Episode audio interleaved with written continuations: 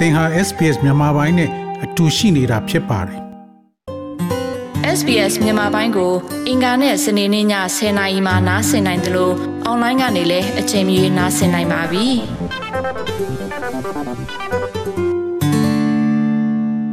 ။အဲဗီကီအခုလို SPS Radio မြန်မာပိုင်းစီစဉ်နဲ့ဆွေးနွေးပေးမဲ့အတွက်ကျေးဇူးအများကြီးတင်ပါတယ်။ပထမဆုံးအနေနဲ့ဗီကီကဘယ်သူလဲဆိုတာကိုသောတာရှင်နေနဲ့နည်းနည်းမိတ်ဆက်ပေးပါ ဟုတ်ကဲ့ပါအားလုံးပဲမင်္ဂလာပါဘီကီတန်တဆောင်ဖြစ်ပါတယ်အရင်ကတော့ဘီကီကတော့ဩစတြေးလျမှာ2017ကနေပြီးတော့16အထိပေါ့နော်အဲ Macquarie University မှာ2017ကနေ14အထိပညာသင်ကြားခဲ့ပြီးတော့ဒါဆက်ပြီးတော့ဟိုမှာအလုပ်လုပ်ပြီးတော့နေခဲ့တယ်ပေါ့နော်ပြီးတော့အခုမြန်မာပြည်ပြန်လာတာကတော့2016ကတည်းကပါဟုတ်ကဲ့ရှင်။ဟုတ်ကဲ့အခုမြန်မာပြည်ပြန်ရောက်တဲ့ခါကျတော့ဗီကီဘာတွေများလုပ်နေလဲကျွန်တော်တွေ့ရတော့ ဗီကီဝင်ပါတဲ့ဥစ္စာဒီလှုပ်ဆောင်မှုရအများကြီး American Embassy မှာလည်းဒီလူငယ်တွေဆွေးနွေးပွဲတွေနောက် တခြားဒီမီဒီယာနဲ့ပတ်သက်တဲ့ဥစ္စာတွေမှာလည်းပါတယ်တွေ့လေ။ so နည်းနည်းတော့ရှင်းပြပြီးတော့ဗီကီပမာပြီးပြန်ရောက်ခဲ့ဘာတွေလုပ်နေလဲဆိုတာဟုတ်ကဲ့အဲ့တော့ Vicky ကမြန်မာပြည်ပြန်ရောက်ကြရဆိုတော့စစပြန်ရောက်ချင်းတော့ဒီ Australia Chamber of Commerce ပေါ့နော်အဲ့ဒီမှာ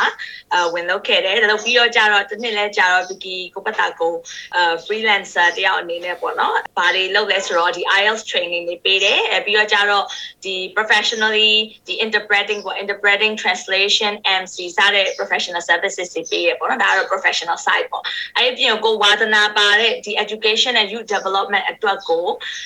organization တွေအများကြီးနဲ့လက်တွဲပြီးတော့လုပ်ဖြစ်တယ်အဲအဲ့မှာမှ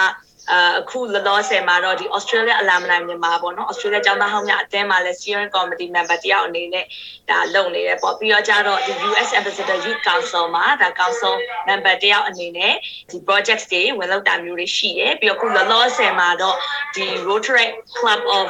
Yangon ပေါ့နော်အဲဒါ Rotary ရဲ့ဒါ Rotary ကတော့ကိုယ့်ရဲ့ parent organization ပေါ့ community development organization မှာဒါ community and club service chair အနေနဲ့အခုလုပ်နေပေါ့နော်အရင်ကတော့ဒီ seat for Myanmar ဆိုရဲဒီ Moleman based NGO မှာလည်း interim executive director အနေနဲ့ပေါ့အဲ့လိုမျိုးတွေဒါ youth initiative တွေနဲ့ပတ်သက်ပြီးတော့ဒီမှာတော့တော်တော်လေးကိုလှူရှားပြနေပါတယ်ရှင်။ဟုတ်ကဲ့အခုဗီကီကဒီမင်္ဂလာပါဆိုတဲ့တခြင်းတစ်ပုတ်ကိုဆိုထားတာတွေ့ရ YouTube ပေါ်ပါလေ။ အဲ့မင်္ဂလာပါဆိုတဲ့တခြင်းကဘလို့ဖြစ်ပေါ်လာတာလဲနည်းနည်းလေးရှင်းပြပေးပါဟုတ်ကဲ့အဲအဲ့ဒီဟာလေသူ story line လေးကလည်းအရန်ရှည်ပေါ့နော်ဘာလို့လဲဆိုတော့3နှစ်တောင်ကြာတဲ့ project လေးဆိုတော့ဒါပြောစရာတွေလည်းများတယ်ပေါ့အဲ့တော့အဲ့တချင်းလေးကိုဆက်ဆက်ကြားဖြစ်တာတော့မမရရ2018 19အကူပေါ့သူက2018မှာအဲ့ဒီတချင်းက originally ကထွက်ထားတာပေါ့နော် original singer ကတော့ဒီ Malaysia က name we လို့ခေါ်ပါတယ်သူကနေပြီးတော့ အဲ the ultimatum to asia ဆိုပြီးတော့သူ့ရဲ့ album မှာဂျပန်နဲ့ပတ်သက်တဲ့ဂျပန်နိုင်ငံနဲ့ပတ်သက်တဲ့တခြင်းတို့ထိုင်းနဲ့ပတ်သက်တဲ့တခြင်းတို့အဲ့လိုမျိုးလေးတွေသူကအဲထုတ်တယ်ပေါ့နော်အဲ့ဒီထဲမှာမှတော့မြန်မာနဲ့ပတ်သက်တဲ့တခြင်းကဒီမင်္ဂလာပါဆိုတဲ့တခြင်းလေးထုတ်တော့တခြားတခြင်းတွေတော့မြန်မြန်ဆိုင်ဆိုင်လေးတွေဒါပေမဲ့ဒီတခြင်းကလုံးဝကိုအရန်ကိုဒါခံစားရတဲ့တခြင်းလေးပေါ့နော်အဲ့တော့မြန်မာအတွက်ထုတ်ထားတယ်ဆိုတော့ကိုကနားထောင်ပြီးတော့မမရရအဲ့တော့ပကံသွားလဲနေရပါပကံနေပြီးရန်ကုန်အစင်းမှာ နားထောင်တော့မျက်ရည်ပေါပေါပေါကြာရပေါ့နော်ကိုနားထောင်ပြီးတော့အရန် touch ဖြစ်သွားပြီးတော့ဒါပေမဲ့အဲ့တချင်မြန်မာအတွက်ရေးပေမဲ့ तू က Chinese လိုမျိုးဖြစ်နေ Chinese လိုမျိုးဖြစ်နေဟုတ်ပြီကိုရီးယားလည်းတချင်းတွေရေးနေကြဆိုတော့ဒီတချင်းကိုမြန်မာတွေနားထောင်လို့ရအောင်လို့မြန်မာတွေဒီအတိတ်ပဲကိုဒါအပြည့်အဝခံစားနိုင်အောင်ဆိုပြီးမြန်မာလိုဓာတ်ရိုက်ဘာသာပြန်ပြီးတော့ငါတချင်းလေးလုပ်ချင်တယ်ဆိုပြီးတော့အဲ့ရနေပြီးတော့ စပြီးတော့လှုပ်ဖြစ်သွားတာပေါ့နော်ဆိုတော့အဲ့တချင်းကိုဒီပကန်းနေပြီးတော့ဒီရန်ကုန်ပြန်နေတော့မှကားပေါ်မှာတထိုင်နဲ့ဆက်အဲ့လိုမျိုးပေါ့နော်အဲ့တော့ဒါလေးကတူတူချာချာရှိခဲ့ပါတယ်ဟုတ်အဲ့တော့ဟဲ့နေမွေးကမလေးရှားတရုတ်လူမျိုးလားမလေးရှားမလေးလူမျိုးပါဆိုမလေးရှားတရုတ်လူမျိုးပါရှင်အဲ့တော့ तू ကဒီဒီမလေးရှားမှာရောက်နေတဲ့မြန်မာရွှေ့ပြောင်းလူသမိုင်းနဲ့ तू ကတွေ့ခွင့်ရပြီတွေ့ခဲ့တာဟုတ်ကဲ့ဘယ်လိုဖြစ်လဲဆိုတော့ဒီသူတချင်းတစ်ပုတ် သူဆက်တဲ့အတွက်ကြောင့်မလို့သူအဲ့တချင်းတစ်ပုတ်အနေနဲ့သူ detain လုပ်ခံရတာလေးရှိရပေါ့နော်အဲ့ဒီထဲမှာမှ ဗမာတွေနဲ့ကဆက်ဆက်မြက်မြက်ကိုသွားတွေ့တာအแทမှာပေါ့နော်သူတို့ illegal workers တွေရှိတယ်ဒါအလုပ်ရှင်တွေရဲ့ဒါသစ္စာဖောက်မှုကြောင့်မလို့ဟိုမရောက်တဲ့ဘဲနဲ့ဒါထောင်ထဲကိုရောက်သွားတဲ့သူတွေရှိတယ်ပေါ့နော်အဲ့တော့သူကအဲ့ဒါတွေတွေ့ခဲ့ပြီးတော့လုံးဝ touch ဖြစ်ပြီးပြီးသွားတော့သူတို့အတွက်ကိုငါတခုခု voice out လုပ်မှဖြစ်မယ်ဆိုပြီးတော့ဒါ तू က2006ကတည်းကအဲ့လိုမျိုးတွေ့ခဲ့တာဒါပေမဲ့အကြောင်းကြောင်းကြောင့်မလို့ဒီတချင်းကို तू 2008မှာပဲထုတ်ဖြစ်ခဲ့တယ်ပေါ့နော်ဟုတ်ကဲ့ သူကဒီသချင်းကို ဒီဗမာလို့ဆိုတာလားမဟုတ်ဘဲနဲ့တရုတ်လို့ဆိုတာသူဒီတစ်ချက်အပြည့်အစုံကတရုတ်လိုအပြည့်အစုံဆိုတာပေါ့နော်ဒါပေမဲ့သူထည့်ထားတဲ့ word ကလေးတွေဒါဗမာတချင်းဆိုတော့ဗမာအတွက်ကိုရည်ရွယ်ပြီးဆိုတဲ့တချင်းဆိုတော့အာမင်္ဂလာပါဆိုတဲ့ word ပါတယ်ကျေးဇူးတင်ပါတယ်ဆိုတော့ word ပါတယ်ပေါ့ဒါတော့သူ original ထဲမှာပါတာပေါ့နော်ကျန်တဲ့ဟာတွေကတော့သူက Chinese ဆိုပဲဆိုထားတာပါရှင်ဟုတ်အဲ့တော့ Vicky ကဒီတချင်းကိုတရုတ်လိုဆိုထားလို့ဗမာလိုဘာသာပြန်လဲဆိုတော့ Vicky က ဒီတရုတ်စကားကောင်းပြောတာလားဘာတရုတ်စကားလဲ Mandarin လား Cantonese လား Hokkien လားသူကတော့ Mandarin လိုပဲဆိုထားတာဒါပေမဲ့ကိုကတော့ဟိုတရုတ်စကားတက်လို့တော့မဟုတ်ဘူးအဲသူ့ရဲ့ဒီဗီဒီယိုထဲမှာ तू ကပြန်ထားတာလေးတွေရှိရပေါ့နော် English လိုဘာသာပြန်ထားတာလေတော့မလင်းလိုဘာသာပြန်ထားတယ်အဲ့ဒါလေးပါတော့အဲ့ English ဘာသာပြန်ကိုကိုကကြည့်ပြီးတော့ဆက်ရတဲ့သဘောပေါ့တရုတ်လိုတက်လို့တော့မဟုတ်ပါဘူးရှင်ဟုတ်ကဲ့အဲ့တော့ဒီ Juna ကသူ့ရဲ့ original June လားမဟုတ်ဘဲနဲ့ Vicky က ဒီသချင်းကိုဘာသာပြန်လိုက်တဲ့အခါကျကို June နဲ့ကိုပြန်ဆိုတာလားဆိုသူ့ရဲ့ original tune ကိုမှကိုကဟို upgrade လုပ်လိုက်တဲ့သဘောမျိုးပေါ့နော်။ तू ကတော့အခုရှိတဲ့ဒီတရုတ် ဘယ်လိုပြောမလဲအဲ sound လေးတွေတို့ဘာလေးတွေတို့အဲ့ဟာထည့်သုံးထားတာပေါ့နော်။ဒါပေမဲ့အခုဒီ music အပိုင်းမှာကြတော့ဒီမြန်မာနိုင်ငံကဒီအစိုးရရေးပြိုင်ပွဲမှာ trade sick 21ဆုရှင်ပေါ့နော်။ကိုနဲ့လက်တွဲလုပ်တဲ့ကိုထက်အာကာက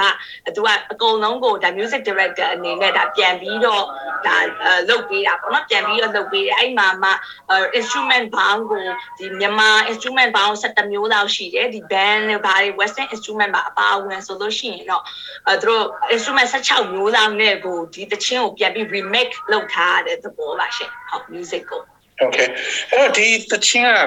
Vicky ကဒီ2019မှာဒီသချင်းကိုရေးသားခဲ့ပြီးတော့2020ကျမှဆိုဖြစ်တယ်ပေါ့အဲ့အမျိုးဘာအတွက်ကြောင့်အဲ့လောက်ကြာပြီးမှဆိုဖြစ်တာလဲ Amazon တော့2019အစမှာရေးတာပေါ့နော်တကယ်အတန်သွင်းတော့ကျတော့2020ရဲ့ နှစ်လယ်လောက်မှသွင်းဖြစ်တယ်ပေါ့အဲ့ဒါကြကိုကတော့စိတ်ထဲမှာပဲရှိရပထမတစ်ခေါက်တော့ဒီဟိုဟာနဲ့တော့လှုပ်ဖို့စဉ်းစားသေးရပေါ့အဲဗာလဲဒီပထမတော့သူတို့ဒီ2019နှစ်စနေရေးပြတယ်အဲအကြောင်းကြောင်းကြောင်းမလို့ကိုကအဲဒီ music ကိုအဲတိတ်ပြီးစိတ်တိုင်းမကြသေးရနဲ့ပဲအာနောက်တော့မှဒီ2020ကျမှကိုထက်အကားနဲ့လည်းကိုကတွေ့ဖြစ်တယ်ပေါ့နော်ပွဲတစ်ခုမှတွေ့ဖြစ်တယ်ဆိုတော့သူနဲ့အဲလုတ်ဖြစ်မယ်ဆိုပြီးတော့ဒါလုတ်ဖြစ်သွားတာပေါ့ဟုတ် အဲ့တော့ကျမှလည်း music ကလည်းကိုလိုချင်တဲ့အတိုင်းစိတ်တိုင်းကြသွားတယ်ပေါ့ရှင်ဟုတ်အဲ့တော့ဒီတချင်းကတော့ဒီလိုဆိုဖြစ်သွားတယ်ပေါ့ဗီဒီယိုကတော့2021 18 December မှာလုပ်ဖြစ်တယ်ပေါ့ International migrant day အဲ့ရရတဲ့တိုက်ပြီးတော့ကိုကဗီဒီယိုထုတ်ခဲ့တယ်ပေါ့ အော်ဟုတ်ကဲ့အဲ့တော့ကျတော့ तू ကအဲ့ကြောင့်မလို့ဟို3 years project တပေါ်မျိုးတော့ဖြစ်သွားတယ်လို့ပြောလိုက်ရတာပေါ့နော်2019ကရေးတယ်2020မှာစုံပြီးတော့2021မှာမှရိုက်ဖြစ်သွားတဲ့တခြင်းလေးပေါ့နော် effort တွေလည်းအများကြီးထည့်ထားတယ်ကိုကလည်းအရန်ကို looking forward to ဖြစ်နေပေါ့နော်ပြီးတော့ကျတော့ဒီတနေ့မှာအဲ့သူနဲ့ live မဲ့ day อ่ะအဲ့တရက်ပဲရှိရပေါ့ကိုကဒီနှစ် December 16ကိုကြော်သွားရင်နောက်နှစ်ထပ်ဆောက် ဆိုတဲ့သဘောမျိုးပါအဲ့တော့မနစ်ကလှုပ်ဖို့စူးစမ်းသေးတယ်အဲ့ဒါမဲ့ covid တွေပါနေကြမလို့ဒီဇင်ဘာ16ကိုမမီတော့နောက်နှစ်ဒီဇင်ဘာ16ဖြစ်သွားတာပါဟုတ်ကဲ့အဲ့တော့ဒီတချင်းရေးတယ်နေဝင်းနဲ့တွေ့ဘူးလားနေဝင်းလေးကတော့အပြင်မှာတော့သူ့မတွေ့ဘူးပေါ့နော်အပြင်မှာတော့မတွေ့ဘူးဒါပေမဲ့သူကအရန်ကိုနာမည်ကြီးတဲ့အဆိုတော်တယောက်ပေါ့နော်အဆိုတော်တယောက်ဆိုတော့သူ့ရဲ့ follower ဆိုလို့ရှိရင် YouTube မှာဒါ3.2 million လောက်ရှိတယ်ပေါ့ ဆိုတော့ဟိုသူ့ရဲ့တခြင်းကိုလောက်ရတဲ့အတွက်လဲကိုကိုကိုလည်းဒါအရန်ပဲဂုဏ်ယူမိတယ်ပေါ့နော်ဟုတ်ဗီကီမှာ YouTube မှာဘယ်လောက် follower ရှိတယ်သိ YouTube ကတော့ဟိုဟာစတာတော့တိတ်မကြသေးဘူးဆိုတော့100ပတ်ဝန်းကျင်ပဲရှိပါသေးတယ်။ဘာလို့လဲဆိုတော့အကောင့်ကလည်းအသက်ဆိုတော့လေတင်လိုက်တဲ့အကောင့်ပါဟုတ်ကဲ့အခုဗီကီဒီမင်္ဂလာပါတချင်းကိုလုပ်ပြီးပြီနောက်ထပ်လုပ်ဖို့ဘာ season ရှိ။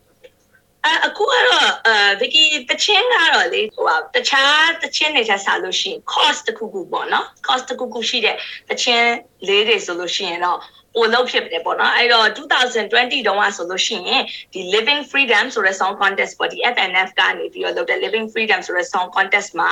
ဒီ second runner up ပေါ့နော် way to freedom ဆိုတဲ့တခြင်းလေးကိုကိုယ်တိုင်ရေးအဲ့ဒါကြတော့ဟိုတခြင်းရောစာသားရောတန်စင်ရောကိုယ်တိုင်ရေးပြီးတော့အဲ့လိုမျိုးဝင်ပြန်ခဲ့တာမျိုးတွေရှိတယ်ပြီးတော့ကြတော့အခုဟိုဟာဒီ freedom နဲ့ပတ်သက်တဲ့ဒါဒီ hope နဲ့ပတ်သက်တဲ့ပေါ့နော် hope love peace freedom နဲ့ပတ်သက်တဲ့ဒီတခြင်းလေးတွေလုပ်ဖို့ရှိတယ်အပြီးတော့ကြတော့အရင်တော့ကဆိုလို့ရှိရင်ဒီ international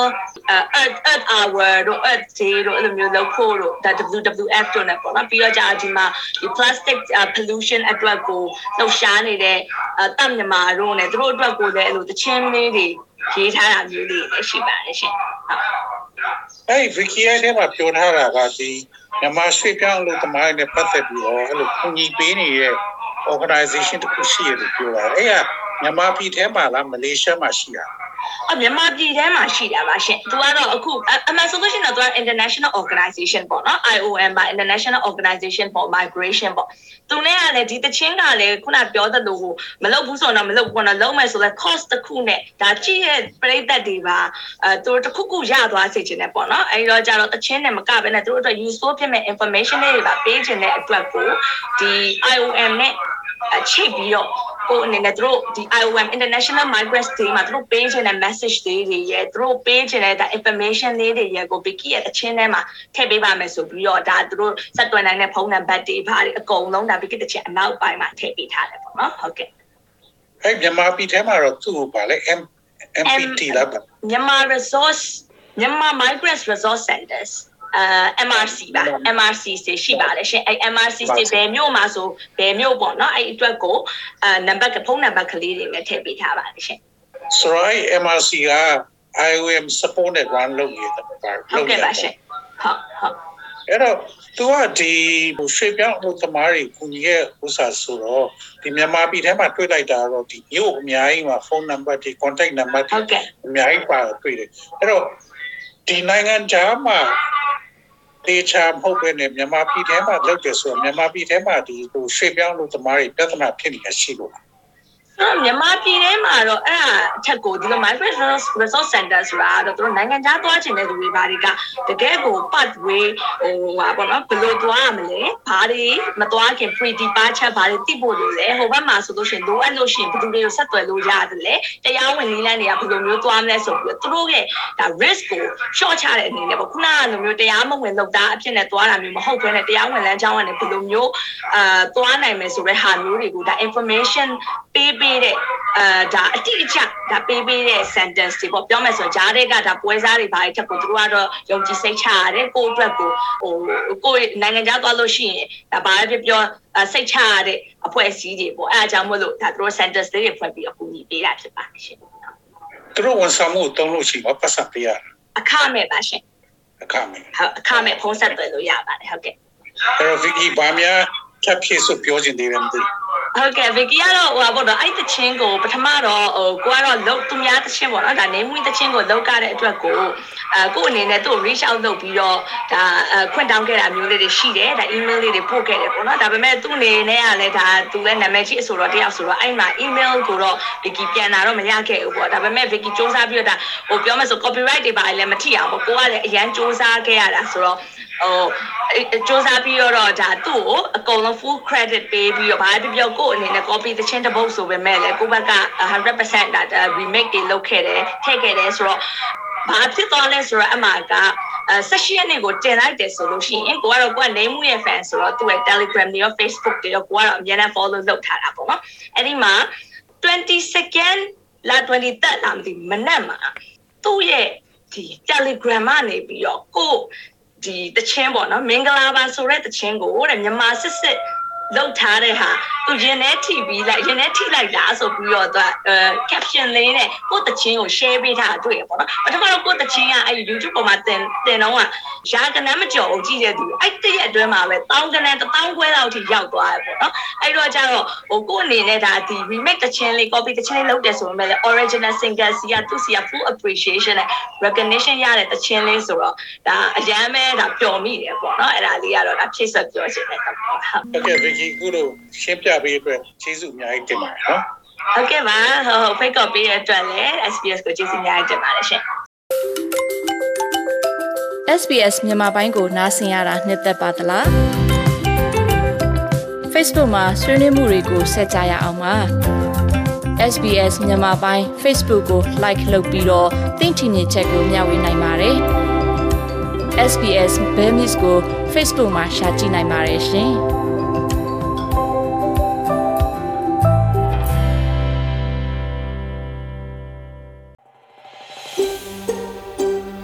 ဒါမျိုးသတင်းဆောင်မတွေကိုပိုနားဆင်လိုပါလား Apple Podcast Google Podcast Spotify တို့မှာသင်ပင်ရာဖြစ်ဖြစ်ရယူတဲ့ podcast ကနေပါ